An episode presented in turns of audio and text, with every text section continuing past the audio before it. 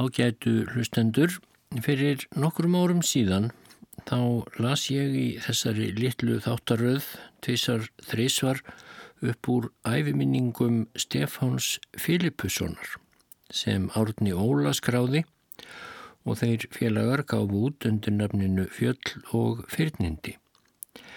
Stefán Filipusson fættist 1870 í Fljótskverfi í vestur Skaftafellsíslu og ólst þar upp en var svo sjálfur bóndi í borgarfyrði Eistra og ég las upp bæði bernskuminningar hans frá ræðilegum frostavetri 1880 til dæmis og frá tíð hans sem bóndi í borgarfyrði Eistra las ég til dæmis stórmerkilega frásögn af því þegar hann þurfti að gúldrast á smá eigunni Bjarnarei í Vopnarfyrði matar laus heillanga stund á samt tveimur öðrum og þá frásögn mætti reyndar rifja upp reglulega. En síðan gerðist Stefán, fylgdarmadur erlendra ferðamanna sem farnir voru að týnast til landsins í upphafi 20. aldarinnar og frá því, sagði til dæmis, í þætti um ferð Stefáns og fleiri kringum vatnajökul með Miss Smith, ennskri konu sem hafði heyrt að engum hefði tekist að komast yfir árnar sem falla frá vatnajökli að sumarlagi. Og hún fekk Stefán til að fylgja sér þá leið og varða því heilmikil saga sem ég las eins aft fyrir nokkrum árum. En í þessum þætti ætla ég eftir móti að högva í svipaðan knýrun og lesa aðra frásögn Stefáns Filipussonar og Árna Ála af því þegar Stefán var fylgdarmadur útlendings á Suðausturlandi. Og svo frásögn heitir Einkennilegur ferðalangur og hefst á þessa leið.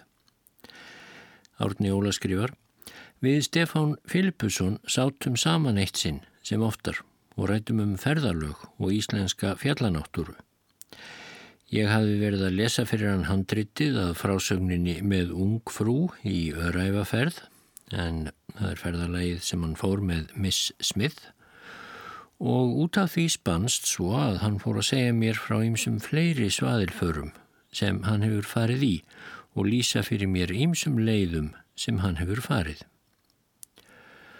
Þú hefur vafalust komist í kynni við einkennilega ferðalanga, sagði ég. Hver af þeim er þér nú einna minnistæðastur?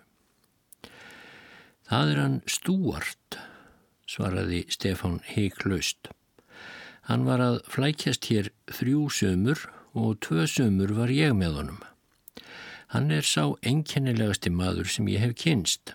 Hann var af góðum ættum og fluguríkur, var nýlega orðin lögfræðingur þegar fyrra heimstríðið skall á, fór í stríðið og varð þar undarlegur að sögn. En ég held hann hafi nú einfallega verið bandvittlaus. Blessaður segðu mér frá honum.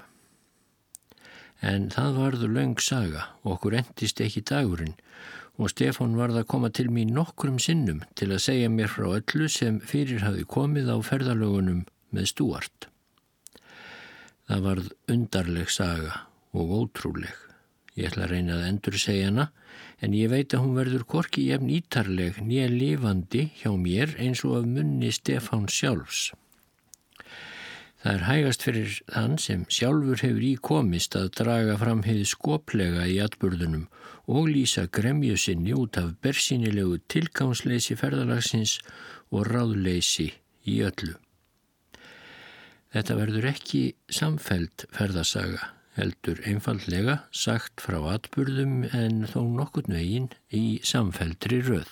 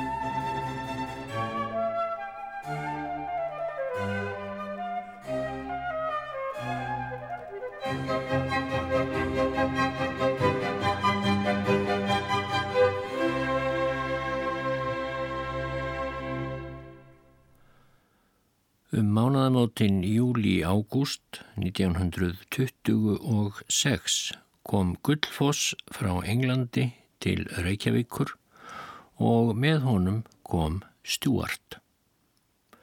Stuart þessi var á vegum Cooks ferðaskrifstofunar og Helgi Sóeka, umbóðsmaður Cooks, tók á mótunum. Stuart hvaðast ætlað ferðast um hverfis landið og gerði ráð fyrir að vera mánuð á því ferðalagi.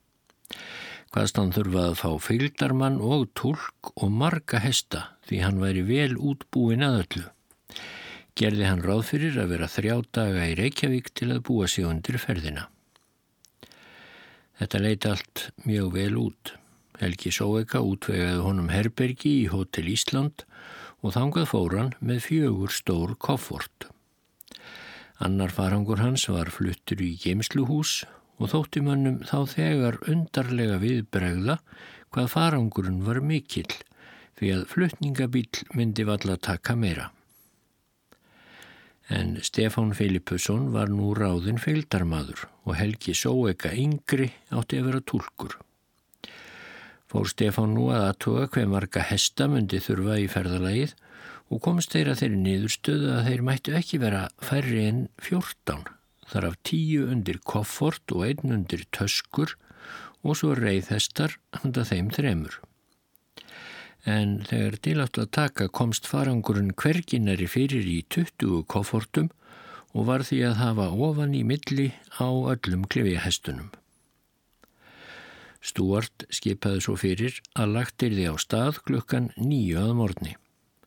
Hestarnir komu klukkan sjö og að ákveðinni stundu var búið að leggja á þá og láta upp klifjar. Fóruðir svo, Tulkurinn og Stefán, með tvo lausa hesta að Hotel Ísland til að sækja koffortin sem þar voru.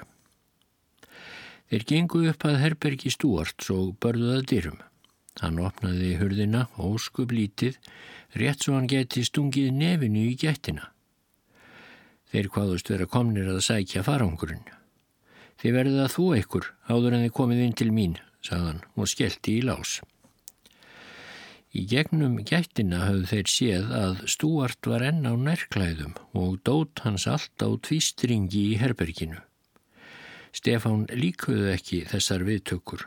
Hann var vanari öðru á ferðalugum með marga hesta en að vera alltaf að þvó sér.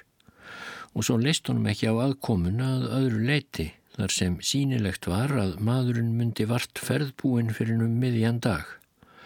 Honum var því að orði Fjandin má í minnst að fara að þó sér en nú fer ég heim og fer ekki fet með þessum halvvita. Ætlaðan svo að rjúka burtu en Helgi Sóvega baða að hann færi að finna föður sinn að vita hvað hann segði. Gerði Stefán það og baði Helgi eldri hann að býða meðan hann færi og talaði við Stúart.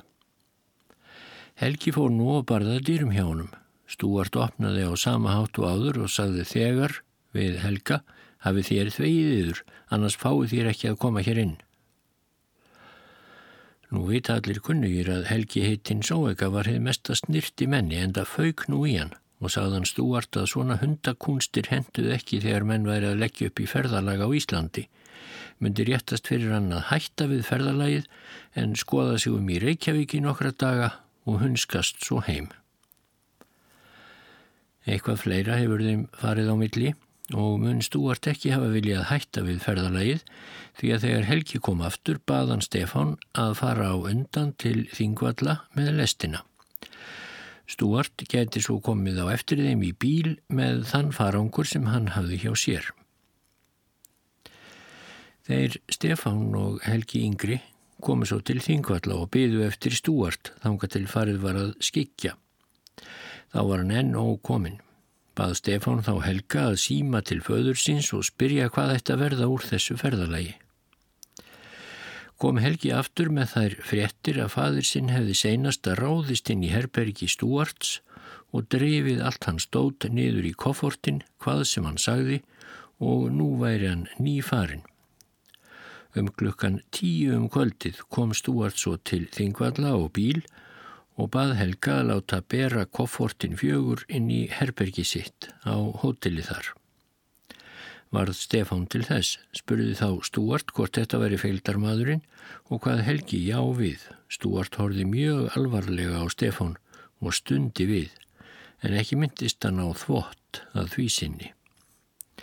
En svo baðan Helga að útvega mat, var brátt borin inn alls konar matur, steik og annað góðgæti En þá raug stúart upp og sagði að þetta veri allt saman óætur matur og skipaði að taka allt af borðinu og koma með bönir, kálmeti, egg, brauð og te. Rosenborg veitingamanni á þingvöllum fannst þá íllur gestur vera komin í sín hús og óskaði þess að hann hefði aldrei borðað að gardi. Samt létt hann skipta um mat og var komið langt fram á nótt þegar máltíðinni var loksins lokið því Stúart var venjulega þrjár klukkustundir að etta. Síðan byður hann að morgunverður sé til klukkan átta og allt ferð búið klukkan nýju því setna vilja hann ekki leggja á stað. En virðist nú allt í lagi. Klukkan áttaðu um morgunin fer Helgi til hans og segir að matur sé framreittur. Þá lág Stúart í rúminu og farangur hans eins og hráfiði um allt herbergið bað hann Helga að útvega sér heitt og kallt vatn svo hann geti rakað sig og þvegið sér. Gekk á því fram til klukkan 11 og allan þann tíma varð fólkið að býða með matin. En þegar hann kom að borða van þakkaðan allt og taldi allt óætt sem fram var borið. Þó var nú máltíðinni lokið stundu eftir hátegi. Ekki var þó hægt að leggja á stað því nú stóð allt fast hjá Stúart vegna þess að hann sagði að svo þröngt væri í herberginu hjá sér að ekki væri viðlit að láta dótið niður í koffortin þar. Rosenberg vildi gerna losna við hann sem fyrst og bauðan um því borðsalinn til afnota. Tók hann því feginsamlega og var nú allt dót hans borið þangað, raðað hann því eftir endilöngum atborðinu og gerði ekki betur en að það kemist þar fyrir en þá tók nú ekki betra við því þá þóttist Stúart þurfa að tölu setja hvern einasta mun í farangri sínum og gera skrá yfir þá svo að sérir þið aldrei leit úr neinu. Þessu var lokið um nónbil og allt komið ofan í koffortin og nú byggust menn við að lagtir þið á stað. Ó nei, Stúart átti eftir að skoða staðin Þrýfur hann nú myndavíl sína og skipar Helga að koma með sér. Vissi hann nú ekkert á hverju hann átti að byrja og snerist lengi um sjálfan sig. Helgi tók það því til bræðs að fara með hann upp að drekkingarheil. Þar stóð hann svo á brúninni, langa lengi, sneri sér í allar áttir og let ljósmyndavélina smetla í sífellu. Þegar hann kom heimað valhöll aftur var klukkan orðin sex að kvöldi. Hestarnir höfðu þá staðið undir klifjum í nýju klukkstundir samfleitt og segist Stefán þá hafi verið orðin bísna ófrýtn. Sagði hann Helga að síma þegar til föður síns og byggja hann að senda bíl eftir þessu fýbli því sínilegt væri að ekkert yrði úr ferðalaginu. Helgi Sóeka svaraði aðeins, reyniði að koma honum upp að kvítarvatni og látiði hann svo gera það sem hann vill. Þetta þótti Stefáni svo góð upp á stunga að hann afrið að halda áfram. Nú var lagt á stað en þegar þeir komu að henni svo kalluðu peningagjá var ekki mannað að gera en fara af baki. Rindi stúart lengi niður í gjána og peningana sem glitti í hér og hvar. Svo tók hann nokkra smápenninga úr vasa sínum, týndi þá í gjána eins og hann væri að mata hana og horfið með mesta spekingsvip á eftir hverjum pening hvar hann sveiplaðist til í vatninu á meðan hann var að sökva. Í þetta voru langur tími. Nú var farið á bak og átti að þeisa austur hraunið en ekki þeir langt farið þeir stúart stöðvaði hest sinn aftur og hvaðst hafa glemt að skoða kirkjuna. Var nú ekki við annað komandi en hann sneri aftur til þess. Stefán baði Helga þá að fara með honum og væri þeim best að gista í hótel Valhöllum nóttina. En hann hvaðst myndi fara austur á laugarvassvelli með hestalestina og býða þeirra þar, skildu svo leiðir. Austur á laugarvassvöllum hitti Stefán heiskaparmann sem hjálpáðanum að taka ofan, spretta af hestunum og hefta þá og slá síðan upp þremur tjöldum. Furðaði mannin á þessum feikna farangri sem Stefán var með. Þetta er nú það minsta, saði Stefán. Þú ættir að sjá þann sem hefur þetta meðferðis. Hann er sjálfur miklu fyrirferðar meiri en þetta allt saman. Þeir settust svo inn í tjaldið, hýttuðu sér kaffi og röppuðu saman langa stund. Lýsti Stefán því hvernig ferðalægið hefði gengið fram að þessu og þá saði maðurinn, já, seint verðiði komnir úr ringferðinu um landið með þessu áframhaldi. Og jú, Stefán þóttist nú fara nærrið um það. Nýða myrkur var komið er maðurinn kvatti Stefán og fór. En hann kom aftur að vörmusbóru og segir hvernig heldur að standa á því að það er ljós hér upp í fjalli? Og, og hvernig sem ætli standi á því nema þeir séu þar komnir, stjúart og helgi og orðnir ramviltir líklega, segir Stefán, kveikir á kerti og stekkur út með það. Var veður þá gott og kyrt svo að ljósið blakti ekki held Stefán því hátt á loft og eftir litla stund kvarf ljósið í fjallinu. Hann átti kollgátuna, þannig voru þeir stjúart og helgi komnir og höfðu mist af göttunni og lendi upp í fjalli í myrkrinu. Fann stúart á upp á því að kinda neyðarbál og týndi til allt lauslegt sem hann mátti missa og brunnið gat. Var þeim það til haps að maðurinn skildi sjá þetta því að einmitt þá var eldsneitið á þrótum. En við þetta komist þeir til tjaldana þar sem Stefán beigð. Stefán segist ekki hefa fagnaði eins og vera bar um menn sem voru nýslopnir úr lífsháska nánast. Kaffi var þó hittað en matarlausir gengur þeir félagar til náða og enn skipaði stúart svo fyrir að lagt skildi á stað klukkan nýju að morgni. Það fór þó sem fyrr að hann var setn í heimannbúnaði morgunin eftir og var klukkan orðin eitt þegar þeir átt að heita að vera ferðbúnir. En þegar koffortin voru komin á hestana vildi Stúart endilega taka mynd af öllum hópnum, gekk hann nú nokkur skref frá með myndavél sína og setti sig í stellingar. Glaða sólskinn hefði verið allan morgunin en ennmitt í því dró skí fyrir sólu. Stúart nýtti við og hætti við myndatökuna. Snerist hann lengi um sjálfan sig og vissi ekki hvað til bragðs skildi taka. Hann var með gríðarlega barðastóran hatt á höfði og slóust börðin ofan í axlirnar á honum þegar hann var á hestbakki og nú var fumið svo mikið á stúart að börðin voru eins og vangir út úr hausnum. Allt í hennu tekur hann sprettin upp á dálítinn hól sem þar var næri, hann þrýfur af sér hattin, heldur honum í annari hendi en ljósmyndavélinni í hinni. Hoppað hann svo upp í loftið eins hátt og hann gat hvað eftir annað og veifaði yfir sér hattinum og ljósmyndavélinni eins og til að sópa skíinu frá sólinni. Íslendingarnir tveir horðu á þetta agndofa lengi vel en gáttu þó ekki annað en hleyið að lokum. Nú held ég að Karlinn sé orðin alvittlaus, saði Stefán. Blessaður Helgi, kallaði hann að sólinn sé komin. Sólinn er komin, kallaði Helgi á ensku. Í sama bíli hætti stúart að hoppa, greip myndavélina báðum höndum, miðaði henni fríhendis á hópin og hleyfti af. Þá var hann ánæður. Þannig voru flestar myndatökur hans. Stúart var raunar smá slísin og hendi hann venjulega eitthvert óhapp á hverjum bæ og verður það ekki allt rakið í einu lægi í þessari frásögn. En á leiðinni Östur Laugardal komuður við í Efstadal hjá Sigriði Arnúrsdóttur, sístur Einars hæstaréttadómara. Þar fengu þeir Stefán og Helgi feitt og heitt hangikjött handa sér en Stjúart held að veri ostur, fussaði og sveiaði við lyktinni af hangikjötinu og helst ekki við inni á meðan þeir voru að borða. En kaffi þáðan og eftir.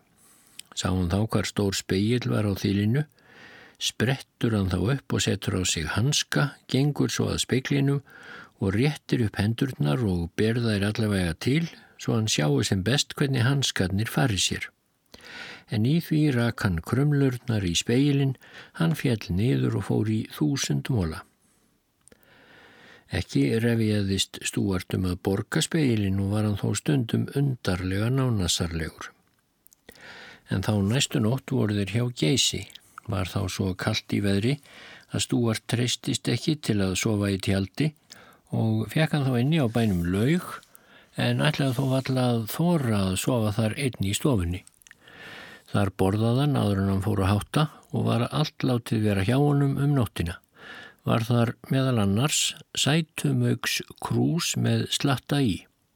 Þegar komið var að vekjanum morgunin var krúsin full. Hann hafði ekki viljað nota næturgagnið, hjælt að það væri óhreint. Um borðbúnað var sama sagan og áður. Stúart hafði skipað svo fyrir að leggja á stað klukka nýju en var ekki tilbúin fyrir um hátegi. Þá var eftir að skoða geysi. Nú var haldið þangað og mokað beinlínis í hans ápu. Varð geysi aðeins óglatt af henni en þeir mátt ekki býða eftir gósinu. Um nón var lagt á stað og riðið greitt að gullfossi. Þar snerist stúart lengi og þóttist verið að taka myndir. Eitthvað mun þó hafa orðið lítið úr því.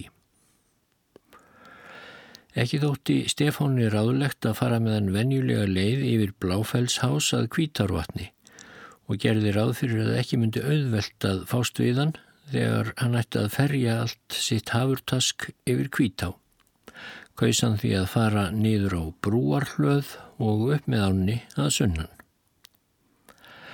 Komið var kvöld er þeir náðu tungufelli, var nú byrjað á því að reysa tjald stúarts og koma húsgögnum hans fyrir en þau voru rúm, borð og stóll. Var það allt krekt saman og á hjörum og haganlega útbúið vissulega en þegar Stúart leit nú yfir þetta nagaðan sig sárt í handarbökin fyrir það að hafa alveg glimt í að hafa með sér kamarstjöld. Sagðan að slíkt óhapp skildi ekki henda sig þegar hann kemi næst til Íslands og hefur hún þá í stórði hugsað til þess sem kom fyrir á laug.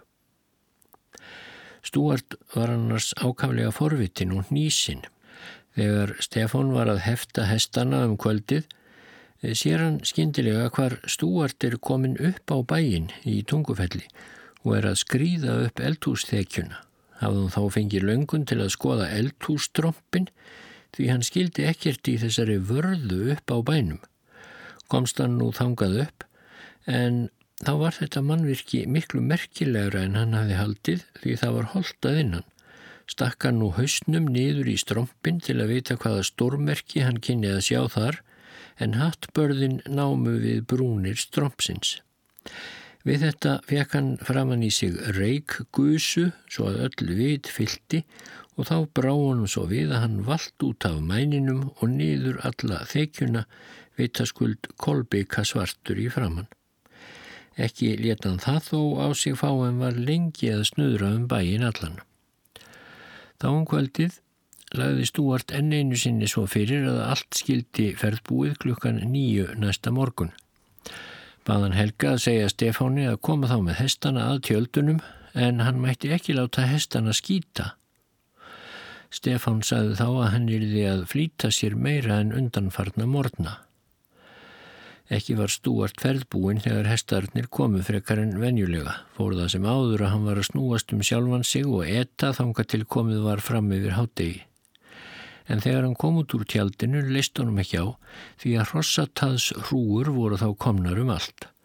Var þann þá fjúkandi reyður og þóttist hvergi geta komið stað sínum hesti fyrir þessum hrúum en því laug svo að Helgi varða leiðan í mörgum krókum út úr þessum ófögnuði og langt út á tún og fær honum hestin þangað.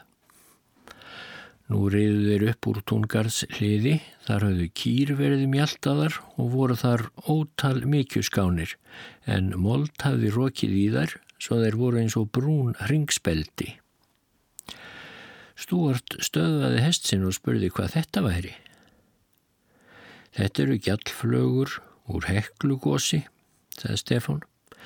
Þá ætlaði Stúart að rjúka af baki til að skoða þessa merku náttúrugripi en Stefán sló í hestana og rak þá alla á sprett. Ég yðraðist þess setna, segir Stefán, að ég skildi ekki lofunum að grubla í kúamíkjunni. Það hefði verið honum mátulegt fyrir allan tepruskapin en þá þekkti ég hann svo lítið að ég skammaðist mín fyrir að ætla að gera honum þann hrekk. Þegar þeir komið svo á mótsvið Bláfell fór Stúart að hafa orðað því að Stefán myndi ekki rata neitt. Hann væri engin ferðamadur og kynni ekkert að ferðast. Tók hann upp áttavita og síndi þeim fram á það með mikil í mælsku að það væri glópska að stefna á kettlingarfjöll þegar fara eftir til Kvítaruness. Hvaðst hann svo taka ráðin af Stefáni og ferðast eftir áttavita eins og allir skinsamir ferðamenn gerðu beigðan síðan þvert af leið, sló í hestana og skipaði þeim að koma á eftir sér. Þeir létu hann fara sinna ferða, því Stefán vissi að hann myndi brátt rekka sig á kvítárgljúfur.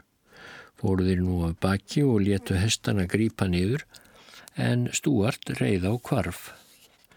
Leið svo langur tími og var Stefán farin að óttast að englendingurinn myndi hafa farið sér að voða sendi hann þá helga á eftir honum. Skamt var niður að kvítá og var stúart þar á gangi og teimdi hest sinn, ráðalauðs og undrandi af því að ekki skildi hægt að ferðast eftir áttavita á Íslandi. Í Kvítarunes komuður sentum kvöldið og sló upp tjöldum, var þá hrissingsveður, frost og moldrók, stúart kvartaði um kulda og bað Helga að hita upp tjaldið. Fór Helgi þangað með prímus og kveikt á honum. Í farangri sínum hafði Stúart eina konjagsflösku, tók hann nú upp flöskuna, bað Helga að kalla á Stefán og saði að þeir skildu allir fá sér góða hressingu, ekki myndi að veita. Þegar Helgi kemur aftur með Stefán, situr Stúart enn með flöskuna óupptekna og strauk stútettuna viðkvæmnislega. Var þá farið að hitna vel í tjaldinu. Eftir nokkur teik spyr hann svo Helga hvort hann haldi ekki að þeir muni þóla næturkuldan þó þeir fá ekki konjak.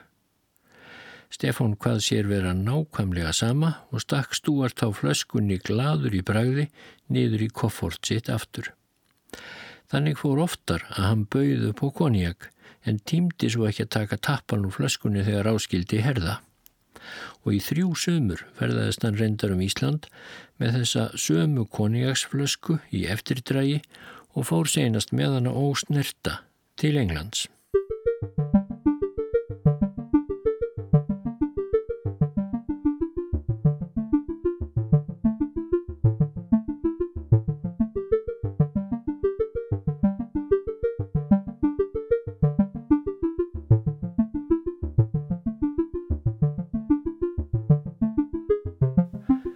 Allan næsta morgun var stúart enn að snúast um sjálfan sig og klukkan var orðin eitt þegar þeir voru ferðbúnir og ekki í fyrsta sinn. En þá fann stúart upp á því að hann þyrti endilega að fara niður á vatni og bað Helga að koma með sér. Stefáni listi ekki á það ferðalag því þarna eru kvíksindis mýrar og kaflaup ef ekki er rétt farið verður að þræða lækjarbakka sem er í ótal líkjum og þótt skamt sínist niður að vatninu þá er leiðin bísna drjúg. Stefán afrið því að fara sjálfur með honum. Þegar nokkuð kom niður í nesið fannst stúart óþarfi að þræða lækjarbakkan og brá á sitt ráð að ferðast eftir áttavita.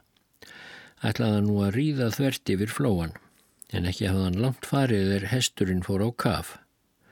Stefán brá þá skjótt við og hljóp þangað Stúart satt enn á baki, hafði rétt fætur fram á makka hestsins og rík helt sér í taumin, en hesturinn var komin á takl kvarfað aftanverðu.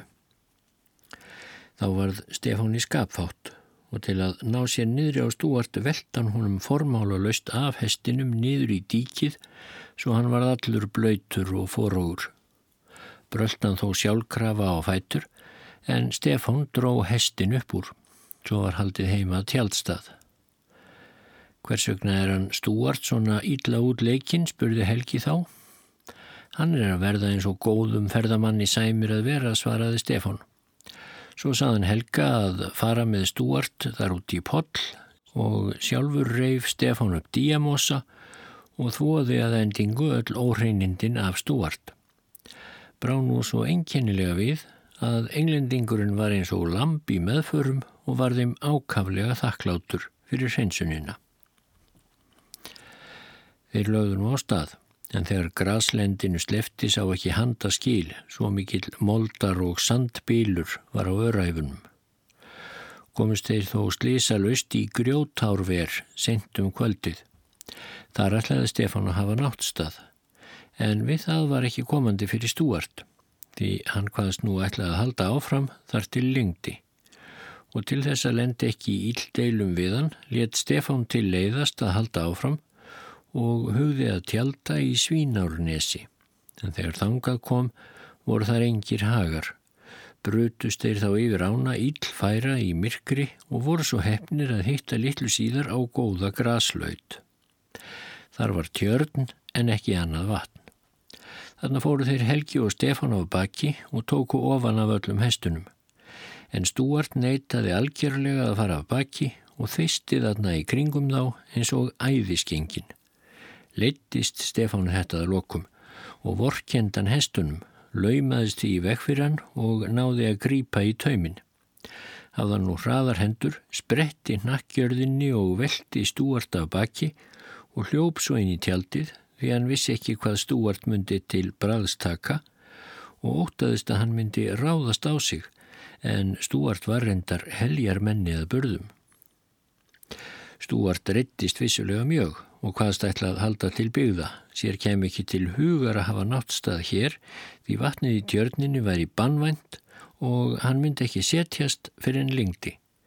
Þeir leta hann eiga sig, tóku til matarsins og hittuðu sér kaffi. Nú liðu tvær þrjár klukkustundir að ekki kom stúart aftur. Helgi var þá hrættur um hann og vildi farað að leita en Stefán aftók það með öllu. Maðurinn bæri ábyrð á sér sjálfur og ekkert að vita í hvaða átt skildi leita í þessu veðri. Þegar þeir eru að tala um þetta er tjaldskörunni lift, er stúart þar komin og bregður nú svo við að hann er brosandi út undir eiru. Fór hann svo í tjaldsitt í bestaskapi og drakk með glöðu geði kaffi úr hinnu eitraða tjarnarvatni. Næsta dag var lagt á staðum miðjan dag eins og venjulega Utan við lautina sem þeir höfðu tjaldað í voru nokkrir strítumyndaðir hólar og fannst Stefáni kynlegt að varða var á hverjum hól. Þá byður Stúart Helga að spyrja Stefán hvort hann kannist við þessar vörður. Stefáni datt óðar í hug, nú ætlar Djöfsi að leika á mig, hann hefur náttúrulega tildrað upp þessum vörðum sjálfur í gerðkvöldi. Byður hann þá Helga að segja honum að þetta sé engar merkisvörður, þær muni vera hlaðnar af einhverjum kolvittlausum manni, kannski strókumanni frá kleppi. Þeir hafi haft það til, ef þeir komist upp í fjöllin, að hlaða vörður til að villa um fyrir ferðamönnum. Þegar Stúart heyrði þetta, brostan og sagði, Stefán hann er á getur, því það er rétt, ég hlóðar.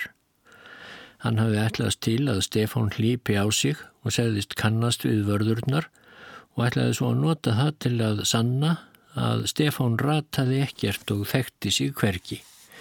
En svo bógalist brást að því Stefán sá við honum. Segir nú ekki að ferðum þeirra fyrir þeir fóru niður í reppa og sem leðlikur að þjórsárubrú.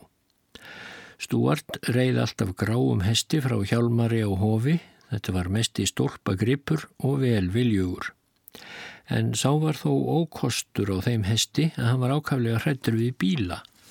Hafði þó ekkert reynd á það meðan þeir ferðuðust utan við alfara vegu. Þeir lögðu nú að stað frá þjórsártúni um hádegi og var stúart á undan. Þegar þeir koma þar sem veginum hallar niður, sunnan hellnatúns, þá kemur fyrsti bílin á eftir þeim.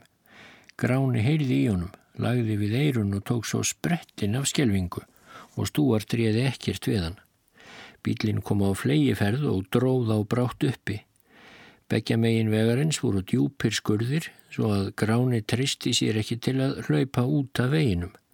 En þegar hann sér að hann mun ekki komast undan bílnum þá ríkur hann út á blá brún vegarins og prjónar þar.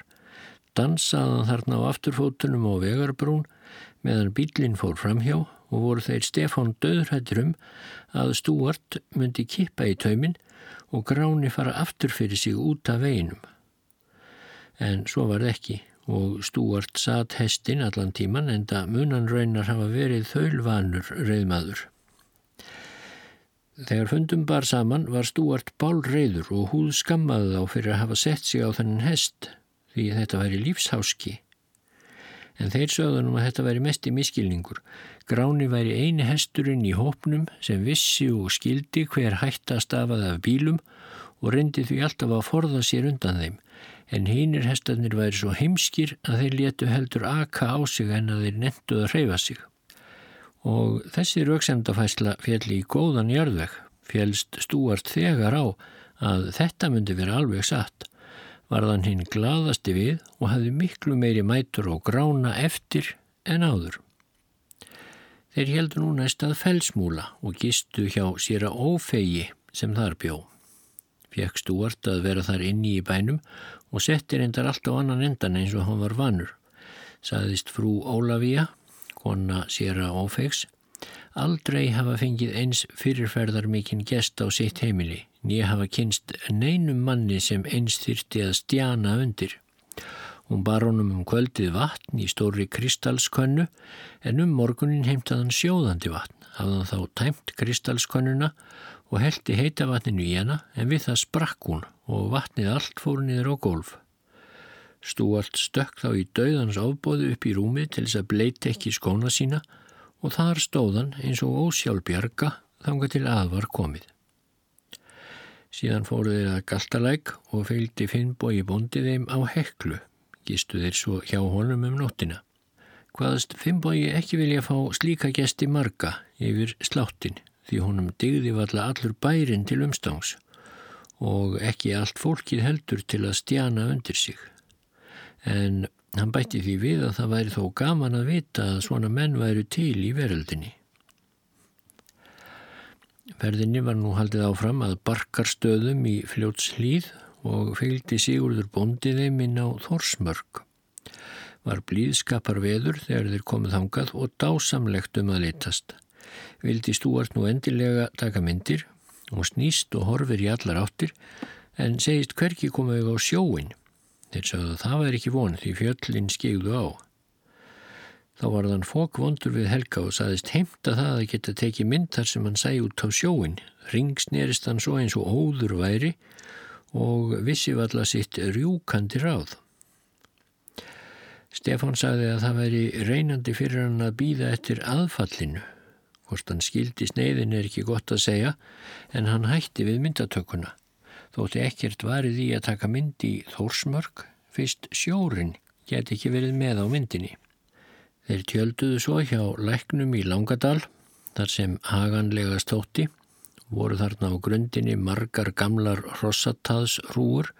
Þegar Stúart sá það, afsagðan alveg að vera innan um þennan skít og skipaði svo fyrir að tjöldin skildu flutt. Þeir neituð að verða við því og sá hann að þeim var alvara. Skamt frá tjaldinu var Móbergs hóll, þangað fyrir stúart nú og týnir fullt fangið af smásteinum til að hilja með Rossataðs rúurnar. Var hann að dunda við þetta lengi dags og var heldur en ekki maskinn þegar því var lokið. Um kvöldið gaf hann svo sömu skipun og vant var að þeir skildu vera ferðbúnir klukkan nýjöða morgni. Nú að ákveðinni stundu, næsta morgun, voru hestarnir komnir og búið að leggja á þá og láta upp klifjar. En Stúart var þá ekki klættur og slefti Stefán hestunum á beitt en lagðist sjálfur í grasið og létt sólinn að skína á sig. Þannig leiði fram yfir hádegi. Þá gegðist Stúart halv klættur út úr tjaldi sínu og þegar hann sér Stefán liggja þarna byrjaði hann að aðtyrðan harðarlega Svona sé hann aldrei tilbúin á réttum tíma. Þá fauki Stefan og hafðan engin umsvið en raukað tjaldinu og kiftið í ofan af stúart. Hann varð óður við og skipaði Helga að reysa tjaldið aftur.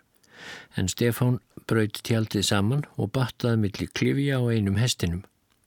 Sá þá stúart sitt óvætna. Þeir sáðu nú að bera þyrti allt grjótið upp í hólin aftur Þórsmörk væri fríðhelg og þar mætti engu raska. Fóru þeir svo Stefán og Helgi að bera burt grjótið en fóru sér óskup hægt. Horði stúart á um stund en þóldi svo ekki mátið er hún þótti þetta ganga sent og fór sjálfur að hjálpa til. Þá var þeim nú skemmt við að horfa á tilbörði hans eða þegar hann var að týna grjótið upp úr rossaskýtnum. Hafðu þeir hvað eftir annað reykið sig á það að hann virtist hafa alveg sérstaklega mikla óbeitt á rossataði. Væri hann til dæmis ekki fremstur á ferðaleginu og hestur sem á undan honum var, var svo dónarlegur að skýta á veginn, þá æfti hann upp yfir sig og fussaði og sveiaði og reið langa leið tilbaka og beigð þá hann til hægt var að rjúka úr rúinni ef hann gæti ekki ríði stóran krók til að sneiða fram hjá henni. Þeir komið svo að holdi undir eigafjöllum og gistu þar. Þá var þar síra Jakob Lárusson og liði hann Stúart stofuna fyrir sig og hafurtask sitt. Stúart var yfirleitt mest í mathákur og þetta kvöld var hann venju fremur matlistugur og var lengi að snæða. Átt hann feikn af nýðursóðinu grænmetti, kartöblum, graut og alls konar brauð og drakk teð með. Ekki vild hann smjör en hafði alltaf sætumauk ofan á brauðið og að þessu sinni átan upp úr fullri krús af möki. Stofan sem Stúart vekk til umráða var stór og rúmgóð. Satt prestur þar hjá honum og rætti við hann fram á nótt eins og hér væri höfðingi komin. En þegar Helgi kom inn til hans morgunin ettir brá honum í brún því þá mátti heita þar ólíft inni af óþef. Náttgagnið stóð barma fullt á miðjugólfi og vallgangur um alla stofu. Þá var Stúart ekki upplýtt stjárfur. Hann gæði staðins undan sengsinni og bað Helga blessaðan að senda Stefán inn til sín að ræsta stofuna. Þegar Stefán fekk skilabóðin varðunum að orði, mannstu hvernig hann tók á mót okkur í Hótel Íslandi, skilaði nú til hans að hann verði að þó sér áður en ég kem inn til hans. Ekki vildi Helgi bera þau skilabóð var það svo úr að þeir fóru til fjósamannsins, það var aldraður maður og gekk undir nafninu Kunningi og báðu hann að þrýfa til hjá Stúart. Buðu þeir honum tópaksbref fyrir það, en honum þótti mjög gott að reykja pípu og vildi allt til vinna að ná í tópakið. En ekki mun Kunningi hafa búist við að jafn ljótt væri umhorfs í stofunni og raun var á. Var hann lengi þar inni og kom út mjög áhyggjusamlegur. Baðan þá Stefán að finna sig, fer meðan að húsabæki þar sem kamarinn var og segir Þið skulu sín honum þetta hérna þegar hann kemur á fættur. Ósköp hefur maðurinn borðað. Kunningi var reyndar dálitið enkennilegur og hann saði þetta í hjartans einfeldni. En nú átti ekki að fara lengra með lestina, en skreppa laus ríðandi austur að skóarfossi því Stúart vildi endilega taka myndir af honum. Hann var alltaf að taka myndir en þær eruðu allar ónýttar því hann kunni ekkert með myndavélina að fara og smelti ofta af án þess að gæta þess hverju myndavélin næði. Fóruðir nú austur að skórfossi og var hann þar að snúast um sjálfan sig í tvær klukkustundir áður en hann þóttist fá fossin til að setja fyrir eins og honum líkaði. Að því búinu fann hann upp á því að skreppa til víkur og fá sér kaffi. Stefán saðunum að það væri 5-6 stundar reið frá skóarfossi að Vík í Myrdal. Hann hvaðst ekki gegna slíkri vittleysu. Vík væri þarna rétt hjá, hann hefði séð það á kortinu. Og auðvitað var þann að ráða. En þegar þeir komu austur að Jökulsá þá fór hann að hafa orð á því að skrítið væri að ekkert sæjist til Víkur. En þó vildi hann ekki snúa aftur. Þegar austur að Pétur segi kom, riðu þeir Stefán heim að Nikól til að fá sér kaffi og sprettu þar af hestum sínum. Var stúart á reyður og öskraði ekkert kaffi áfram, áfram. En þegar þeir gengdu því ekki, þá neytaðan að fara af baki og reyð á spretti hringin í kringum bæin. Þegar Stefán sá að hann ætlaði að halda þannig áfram, hljóp hann í vekk fyrir hann, náði í taumin á grána og spretti síðan gjörð og reyða og let svo stjúart eiga sig. Þá þorði stjúart ekki að halda áfram þann reyðinni og ekki gætt hann girt á sjálfur svo hann sá nú sinn kost vænstan að fara af baki, kom inn í bæin og fá kaffi. Þegar austur á steigarháls kom, gerði austan úr hellis regningu. Stúart hafði ekki haft rænu á að hafa hlýfðarföð með sér, gerðist hann nú heldur framlágur og að lokum baðan Helga að ljá sér kápu sína, þá vissu þeir að honum var bröðið, því aldrei hafði neitt af fatnaði þeirra eða dóti mátt koma nærri stúart. En til víkur komiður ekki fyrir ný myrkri um kvöldið.